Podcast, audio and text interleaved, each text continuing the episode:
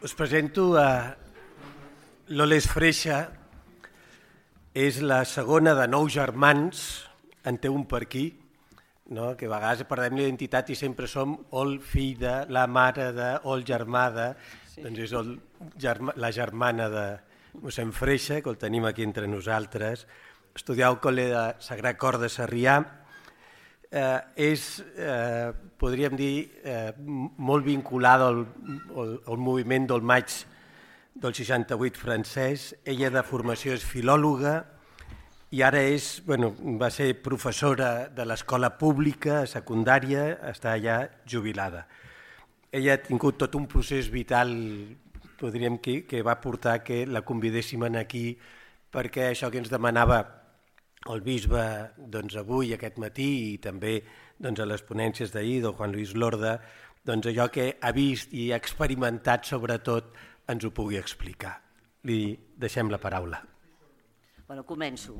Sí. Eh, de fet, ho, ho faig en, llegeixo en castellà perquè he donat molts testimonis a Emmaús i llavors a Emmaús ens passa eh, que... Està castellanitzat. Que s'ha castellanitzat, exactament, perquè tenim moltes moltes senyores sud-americanes. Eh? I al final, bueno, i al final m'agrada molt escriure, i ho he escrit en castellà, però bueno, també afegiré coses. Eh? Bueno, estic una mica apurada amb aquest públic, eh? I això... Però bueno, eh, mm, invoco, començo, eh?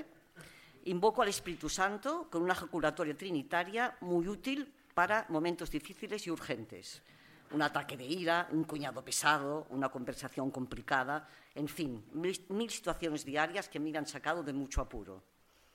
Abba Padre, en el nombre del Señor, envíame el Espíritu Santo. Grito al Espíritu Santo que hable por mí, que este testimonio sea para gloria de Dios y para agradecerle lo que ha hecho en mi vida. Me pongo delante de Jesús y le digo, aquí estoy, perdóname y gracias.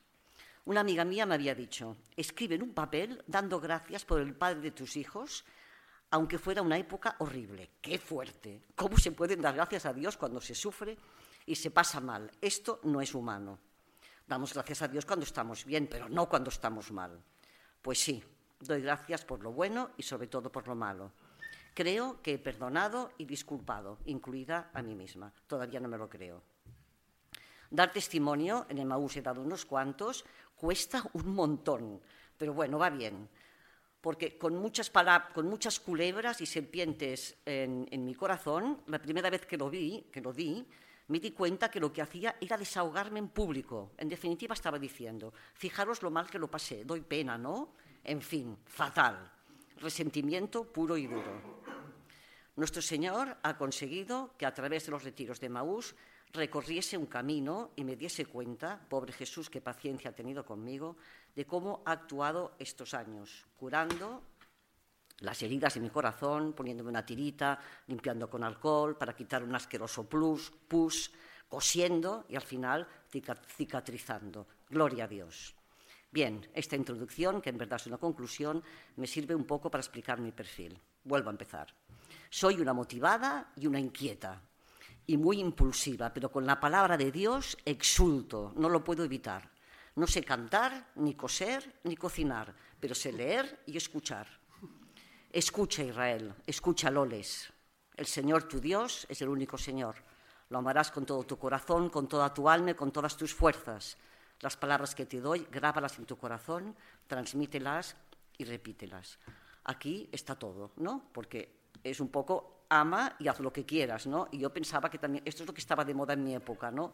O sea, tú ama, no te preocupes, ¿no? Y, entonces y Dios ya te perdona. Y claro, es al revés, o sea, estaba de moda el primer mandamiento, pero ah, el, ah, perdón, el segundo mandamiento y no el primero. ¿eh? Por lo tanto, exulto. La palabra de Dios es mi vida, mi luz, mi fe, mi esperanza. Me da seguridad y fortaleza. Y las tinieblas que llenan mi corazón Angustias, miedos, tristezas, muertes quedan gracias a ella tamizadas e iluminadas. El problema viene cuando la palabra tengo que encarnarla, porque entonces me salen todas las miserias y defectos. Sin la gracia de Jesús y el Espíritu Santo me es imposible asumirla. Así pues, sigo por mi pasado. Cuando era muy pequeña, estaba muy angustiada por la verdad de la existencia y daba la lata a mi madre preguntándole dónde estaba yo antes de nacer. Mamá, ¿dónde estaba? Mamá, ¿dónde estaba antes de nacer? Mi madre al final, un día, harta de mí, porque era muy pesada, tuvo una santa inspiración del Espíritu Santo y me, dijo, Loles, estabas en la mente de Dios. Me tranquilicé y tuve una paz y una seguridad de depender totalmente de Dios. Ya no era un ser perdido en la inmensidad del universo, era alguien en el seno de Dios Padre. Nunca podré agradecer a mi madre su respuesta tan llena del Espíritu. Jesús ya no me soltó de la palma de su mano. Él me protegerá en su tienda el día del peligro, me esconderá en lo escondido de su morada, exactamente como dice el Salmo 26. La segunda experiencia fuerte que tuvo con Dios fue a los 14 años. Pasé una época de gran unión con Jesús, pero a los 16, por unos malos entendidos típicos de la adolescencia, me enfadé mucho con Dios y lo aparté radicalmente de mi corazón. Empezaron los años de rebeldía y así me fue. Hay la adolescencia. ¿Con qué intensidad se vive? Por esto, por esto después nos afecta tanto. Entonces me solté de la mano de Dios. A los 18 empecé medicina. Era el año 1968. Beatles, Rollings, India, religiones de Oriente, prohibido prohibir, hacer el amor y no la guerra, etcétera. Mi perfil es muy típico y fácil de explicar. Soy de la generación revolucionaria del 68. Estábamos muy enfadados con todo. La verdad era que vivíamos en un mundo muy encorsetado y también muy hipócrita. ¿eh? De, hecho, y también lo que viví en el core, era, era, trentino, jansenista, es que era un, un, mundo también tan hipócrita, o sea, la gente iba a misa para, para cumplir, para nada más, y nosotros nos dábamos cuenta de esta, de esta mentira, ¿no? O sea, mucho latín, ¿no? Mucho, mucha formalidad, pero poco corazón, ¿no? Pocos maestros y referentes, ¿no? Y mucho también un Dios castigador. ¿Y qué hicimos? Reventamos. Entonces, ¿qué hicimos? Teníamos ideales de libertad, coherencia, sinceridad, compromiso, radicalidad, verdad. Y como ya sabéis, todo acabó en un estrepitoso fracaso y con consecuencias muy graves. Abrimos el camino al relativismo, al nihilismo, al marxismo, a las separaciones matrimoniales, al aborto, las drogas, al sexo fácil y, lo más importante, nos apartamos de Dios y no transmitimos la fe a los hijos, todos hippies o marxistas. Por lo tanto, es muy importante para mí, otra vez, poder pedir perdón públicamente Doy gracias, doy gracias, a nuestro Señor porque me vuelve a dar esta oportunidad aquí delante y además delante de tantos musens que todos, que tots, tots perdoneu. No? Per tant, és com una confessió pública. Eh? Vull dir, ho he fet moltes vegades, però que això m'impressiona molt ara, no? perquè penso, bueno, tots em donareu l'absolució i ja, bueno, de pet al cel. Per tant, tinc una cosa molt clara. Me siento culpable y responsable del daño que mi generación ha provocado y lo digo con todas las letras, culpable. No quiero rehuir mis, mis responsabilidades y no busco justificaciones, aunque ahora ya me siento perdonada. ¿eh? Pido a Dios que me conceda reparar el mal que hicimos, aunque ya sé que Jesús en el Gólgota reparó todo el mal del mundo y que nos perdonó, porque no sabíamos lo que hacíamos, pero de verdad lo sabíamos, qué irresponsables que éramos. Misericordia, Señor, misericordia. A veces me gustaría, y lo pido aquí, ¿no? Pues también pedir la absolución de los pecados de mi generación, que asumo como propios, ¿eh? porque fue ir en contra del bien común de la sociedad. Pido perdón a mis hijos, a mis padres, por haberlos hecho sufrir tanto. Pido perdón a los que tienen padres separados y a los hijos de mis amigos y conocidos que han sufrido las consecuencias de los actos de sus padres. Pido perdón por las ideologías marxistas, freudianas y hippies Perdón. Vuelvo a pedir perdón. Pido perdón porque las ideologías marxistas, freudianas y hippies, más que liberarnos, nos esclavizaron y caímos en verdaderos guetos o en una especie de pseudo-sectas en las cuales la ideología y el pertenecer al grupo eran incuestionables. Pido perdón por la frivolidad y superficialidad en que se convirtieron nuestras vidas cuando lo que, cuando, cuando lo que pretendíamos era la coherencia, la sinceridad y la bondad y se acabó en noches de alcohol, sexo y drogas porque se pretendía romper tabús para cambiarlo todo. Pido perdón por ser de los primeros en tomar anticonceptivos en creer que el sexo tenía que ser libre y abierto, en creer que todo el mundo es bueno, que todo es justificable. En resumen, olvidamos que el fin no justifica los medios. Pido perdón por los sacerdotes que perdieron completamente el norte y todavía complicaron más las cosas. Pido perdón por los padres y madres que se rebajaron y se apuntaron al carro de las ideologías modernas y progres de sus hijos. Pido perdón por la educación laxa y permisiva que se daba a los hijos. Pero lo más importante y sobre todo, pido perdón porque mi generación rompió conscientemente la transmisión de la fe. La mayoría de hijos de mis amigos de juventud no son cristianos, incluso hay que han querido apostatar. Esto es lo que me duele más y de lo que me siento más culpable. Mi hija tuvo la suerte que mi madre la instruyó y el Espíritu Santo hizo el resto. Con mi hijo es diferente, lo hice fatal. Pero Dios no me suelta y en estos momentos, aunque vive con una pareja atea, pero me pide que rece por él. Gracias Jesús, paciencia y confianza.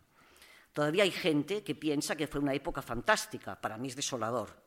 Abrimos la caja de Pandora para que el mundo de la familia se derrumbase. Es notorio el cambio que ha habido y ya sabemos y vemos que va más. Homosexualidad, género, hijos subrogados. Hoy en día todo es posible. Dichosa la ley del péndulo, del péndulo ¿eh? ni pensamos ni discernimos. Está claro que los de mi generación nos fuimos de un extremo a otro y perdimos todo referente moral, es decir, la rectitud de conciencia. Hicimos nuestra la cultura del no hi ha que se tradujo en un laxismo total. No vaig a missa? No hi ha per tant, home. Bueno, és que ara vaig a viure amb aquest noi? No hi ha per tant. O sigui, tot no hi havia per. Eh? una conocida mía me pidió mi opinión por si podía pedir dinero a un amigo común para ir a Londres a abortar. Era un hijo fuera del matrimonio. Le dije que sí, que lo pidiera. No me atrevía a decir nada. En el fondo me daba pena y lo justificaba. Pido perdón por mi colaboración y estupidez. Que este niño me perdone. Rezo por él. A lo mejor, si me hubiese pasado a mí, yo también lo hubiese abortado. No lo sé, pero Dios me preservó. Otro ejemplo. Antes todo el mundo tenía que casarse por la iglesia y ahora, antes de casarse, hay que vivir sí o sí en pareja. Y la verdad es que son tontos, porque es una convención social antes y ahora. Los sacramentos, el matrimonio, la confesión y la Eucaristía habían perdido su sentido. Casarse, separarse y vivir en pareja o ir a comulgarse en estar en gracia, que ya no sabíamos lo que quería decir, ¿eh? y sin confesarse también, porque Dios es bueno y ya sabe y lo perdona todo, pues no había problema. No pensábamos que podíamos ofender a Dios. Cuando no tenía 18 años conocí al padre de mis hijos y sin darme cuenta me convertí en una sombra y me dejé dominar completamente. Y eso que antes era una fiera y ahora también lo soy. Divinicé un amor humano. Convertí un amor que era pagano ¿eh? en falso amor divino. Qué confusión tan grande. De hecho era lógico porque vivía sin Dios y amaba a una persona como si fuera un Dios. En fin, no explicaré detalles de los 18 a los 20 años, pasé una guerra, pasamos una guerra. Soy una superviviente, inmadura, débil, romántica, muchas pelis americanas, fatal, ¿eh? condicionada por un entorno caótico y sin Dios, que esto es lo más importante, me casé y me embarqué en un matrimonio sin sentido. Hago un inciso. Después de haber oído tantos testimonios de Maús, ahora estoy más tranquila porque ya no tengo tanta vergüenza de mi pasado y menos se nota, ¿no? Aquí ahora. porque veo que Dios nos acoge y nos perdona a todos sin distinción, aunque hayamos hecho barbaridades. Y yo tenía un gran apuro en reconocerlo, orgullo puro y duro. Es decir, ¿cómo es posible que yo haya sido capaz de llegar tan bajo? Orgullo. Me emociona lo que se canta la noche de Pascua, feliz culpa que nos mereció tal Redentor. Jesús me quiere tal como he sido y como soy, pecadora y merecedora de su misericordia, un regalazo. Ahora soy feliz sintiéndome como la oveja perdida. Desde hace unos años, en el pesebre de mi casa, en el pico de un monte, pongo una pequeña ovejita que soy yo, la oveja perdida. Y ha tenido tanto éxito que mis nietos también ponen una en el suyo como ya un personaje típico del pesebre. Acabo inciso y vuelvo al relato. En aquella época, con dos amigos, ya veíamos, un chico y una chica, ya veíamos que aquello no iba bien y nos empezamos a apartar. La búsqueda de la verdad nos quemaba e inquietaba. ¿Qué estábamos haciendo? ¿Dónde estaban nuestros ideales? Un hecho que me chocó y me tocó mucho, y además ahora veréis, fue el accidente del avión de los jóvenes de Chile, que ahora están haciendo la película esta de, la sociedad. eso, exacto. Eh, encontrábamos muy lógico que se alimentasen pues, de sus compañeros. Era utilitarismo puro. Pero eh, me encontré, una vez aquí que hablaba antes de los maestros, teníamos maestros referentes en aquel momento, me encontré con un señor mayor católico que había sido militar de la República y me dijo, y comentando aquel hecho en aquel momento, me dijo, pero ¿qué, ¿qué, hacían aquellos jóvenes? Lo que tenían que haber hecho era ponerse a andar enseguida y no esperar. Eran jóvenes y fuertes y por esto se salvaron y es lo que pasó. O sea, dos se fueron a, andar y se salvaron. ¿no? Por lo tanto, el fin no justifica los medios. Bueno, en fin, continúo con mi historia personal. Me separé y en mi casa, ¿eh? mis padres y mi familia, mi hermano lo sabe, me acogieron con compresión y firmeza, como un padre acoge al hijo pródigo, que en verdad lo era. Padre, he pecado contra el cielo y contra ti. No soy, no soy digna de ser llamado tu hija. Esta palabra me sobrecoge. Era la oveja perdida que volvía a casa. Empecé un largo camino de búsqueda de la verdad, una época de formación y combate, muchísimas lecturas, sufrimientos y penalidades, pero estaba viva. Buscaba la verdad en la historia, la literatura, los clásicos, los autores cristianos, siempre con la palabra presente. En primer lugar, me tragué clásicos griegos, latinos, medievales, literatura, me lo tragué todo, historia, todo, todo. Y me hizo un bien tremendo, porque iba descubriendo la presencia de Dios en la vida, en la historia. Dios se valió de mi inquietud intelectual para que iniciase un camino hacia Él. Conocí a la humanidad perdida desde siempre, buscando desesperadamente el deseo infinito de lo infinito y haciéndose las preguntas que nos hacemos todos. ¿De dónde venimos? ¿A dónde vamos? ¿Qué sentido tiene mi vida? ¿Quién soy? ¿Qué es la muerte? ¿Quién es Dios? ¿Dónde está Dios? En segundo lugar, el gran libro y el gran redescubrimiento, la Biblia. Pero bueno, ahora, después de tantas lecturas, ahora no sé res ja. Només llegeixo coses pies. Sí, un desastre. Pero bueno. Lo bonito fue que todo este camino lo hice con la persona que luego sería mi marido, el gran amor de mi vida. Mientras llevábamos una, una relación clandestina y solitaria, años muy duros, pero ahora sí apasionantes. No parábamos de hablar y de discutir buscando la verdad. Despacio me fui serenando. Para hacer las cosas bien hechas, pedimos cada uno por su lado la anulación del matrimonio. Y entonces reencontré la iglesia como una madre. Es verdad, ¿eh? La anulación fue una confesión en toda regla. Me sentía acogida, una madre misericordiosa y a la vez exigente. Poco a poco volví al redil. Iniciamos, hicimos el curso prematrimonial y después de dos años nos casamos por la iglesia y nos fuimos a vivir juntos. Íbamos a misa los domingos a cumplir, pero a cumplir como hacían los, romanos con sus obligaciones religiosas, por deber, con la mente clara pero con el corazón inseguro caminando y buscando desde un mundo intelectual que nos apasionaba. Con los años Agustín se convirtió en un gran creyente, pero muy poco piadoso, y a mí también me cuesta ser piadosa. A pesar de tener la anulación, que era de verdad un matrimonio nulo, no tenía la conciencia tranquila. Tenía sentimientos de culpa por la indisolubilidad del matrimonio, cuestión central del catolicismo. Recuerdo que hicieron santa una señora que aguantó todo el marido por ser fiel a este principio. Me ha costado lágrimas y angustias encontrar la paz y reconciliarme conmigo y con Dios. Así pues, a pesar de mi búsqueda de la verdad, no tenía paz. Sin embargo, otra vez unas lecturas me empezaron a abrir los ojos. Santa Teresa de Ávila me enseñó que la relación con Jesús es real, es personal. San Ignacio de Loyola, que el Señor es mi roca. San Agustín me enseñó que Dios está en el fondo, en el fondo de mi corazón.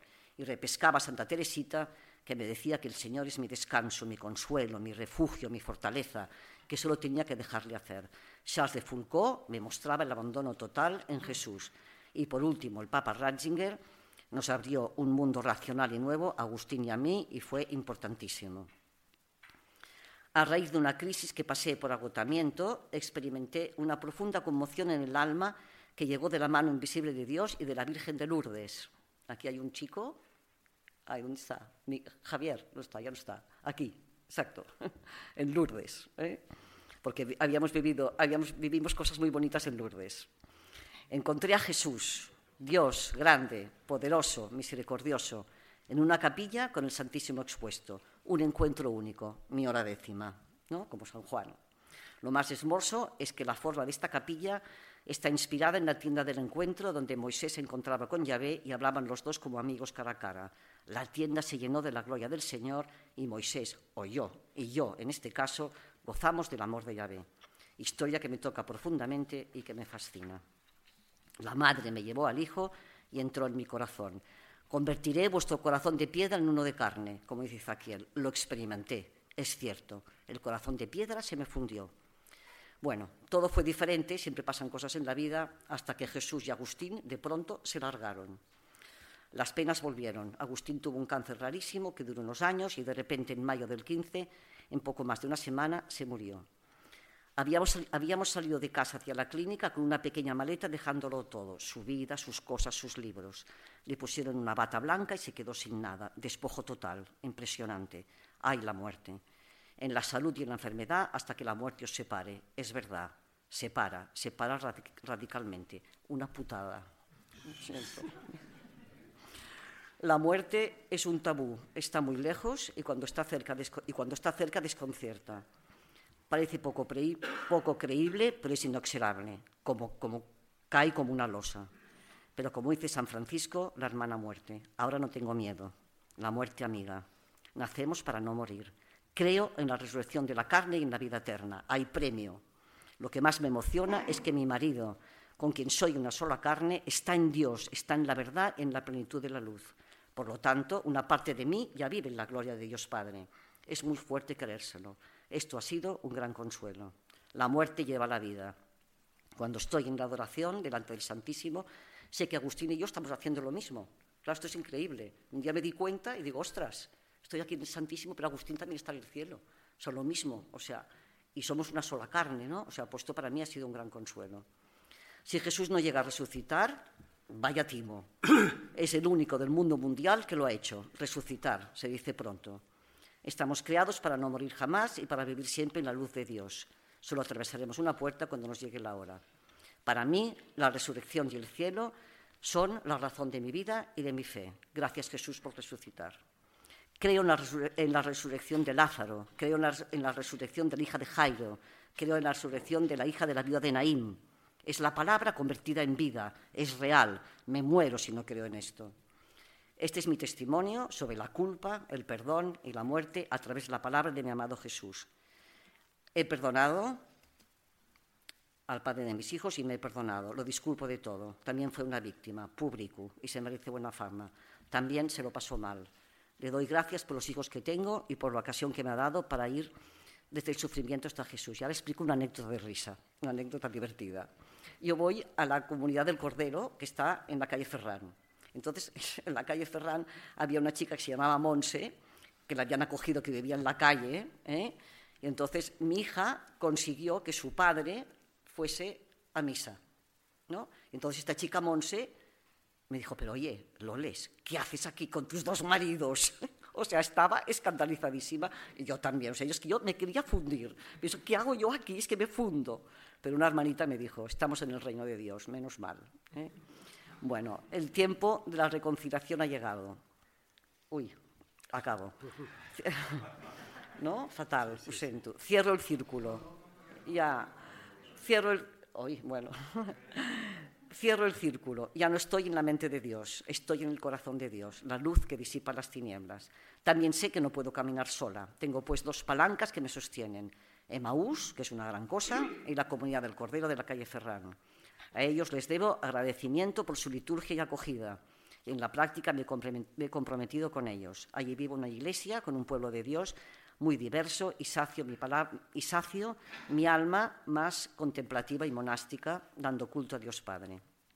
El Espíritu Santo es grande y muy listo, porque las hermanitas en su comida de Navidad reparten a cada uno un cartoncito con una frase soplo del Espíritu Santo.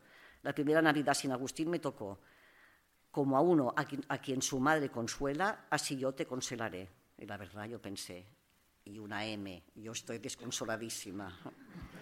Pero otra Navidad me tocó, cambiaste mi luto en danzas. Así pues, acabo, este, acabo con este salmo que canta conmigo.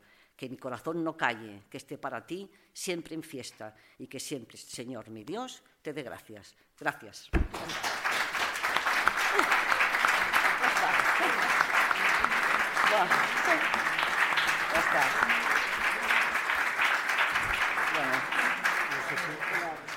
He anat ràpid, eh? no, no tenim gaire temps perquè ja està l'altre ponent preparat aquí, però si algú vol fer una pregunta... Que me la pregunti després, si no, no passa res.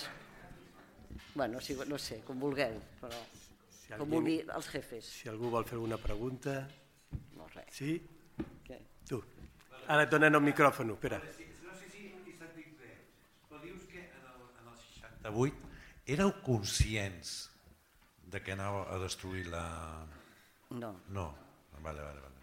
no, no n'érem conscients, no. Vull dir, anàvem a, a trencar tabús i a trencar-ho tot. Anàvem a esfondrar-ho tot. Tot. Vull dir, és que era... eh, Sí, a rebentar-ho. A rebentar-ho. El que passa és clar, molta gent... Clar, no, per exemple, em fa molta... Bueno, el, el bisbe de Terrassa és de la meva generació, és com jo, ens portem quatre mesos. Clar, I ella es va preservar. O sigui, clar, hi ha gent que sí que es va preservar, però molts no. Clar, el que passa és que jo crec que més que, que, que ens, va ser, o, sigui, vam crear, eh, vam crear opinió. Això és el que és fort. Vam crear opinió que, bueno, que s'ha que s'ha espant... O sigui, avui tots som utilitaristes. Vull dir, que tot tot s'ha de fer per... O el fi justifica els mitjans és una cosa que, que la gent no ho entén. Bueno, o separar-se, però és que aquestes coses vam, vam ser nosaltres que vam crear opinió i que vam dir no hi ha per tant, no hi ha per tant. Que això trobo que és com el més fort, no? I també una mica que tothom es va apuntar al carro. Pues això que deia abans, doncs mossens, pares, famílies, escoles, clar, tothom es va apuntar i llavors, clar, nosaltres llavors vam seguir també, d'alguna manera, no? Eh, L'última pregunta. Has citat a Benet XVI.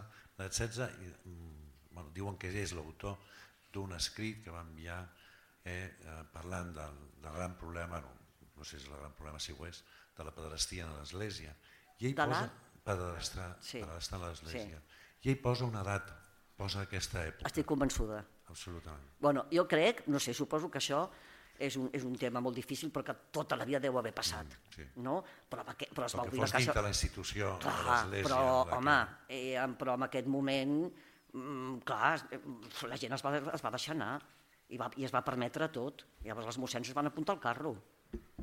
Clar, perquè també, també vivien en una època també especial, no? I és que és, és com tan raro, perquè és que va ser... Uah! I tothom es va, i tothom es va, i tothom es va desmadrar.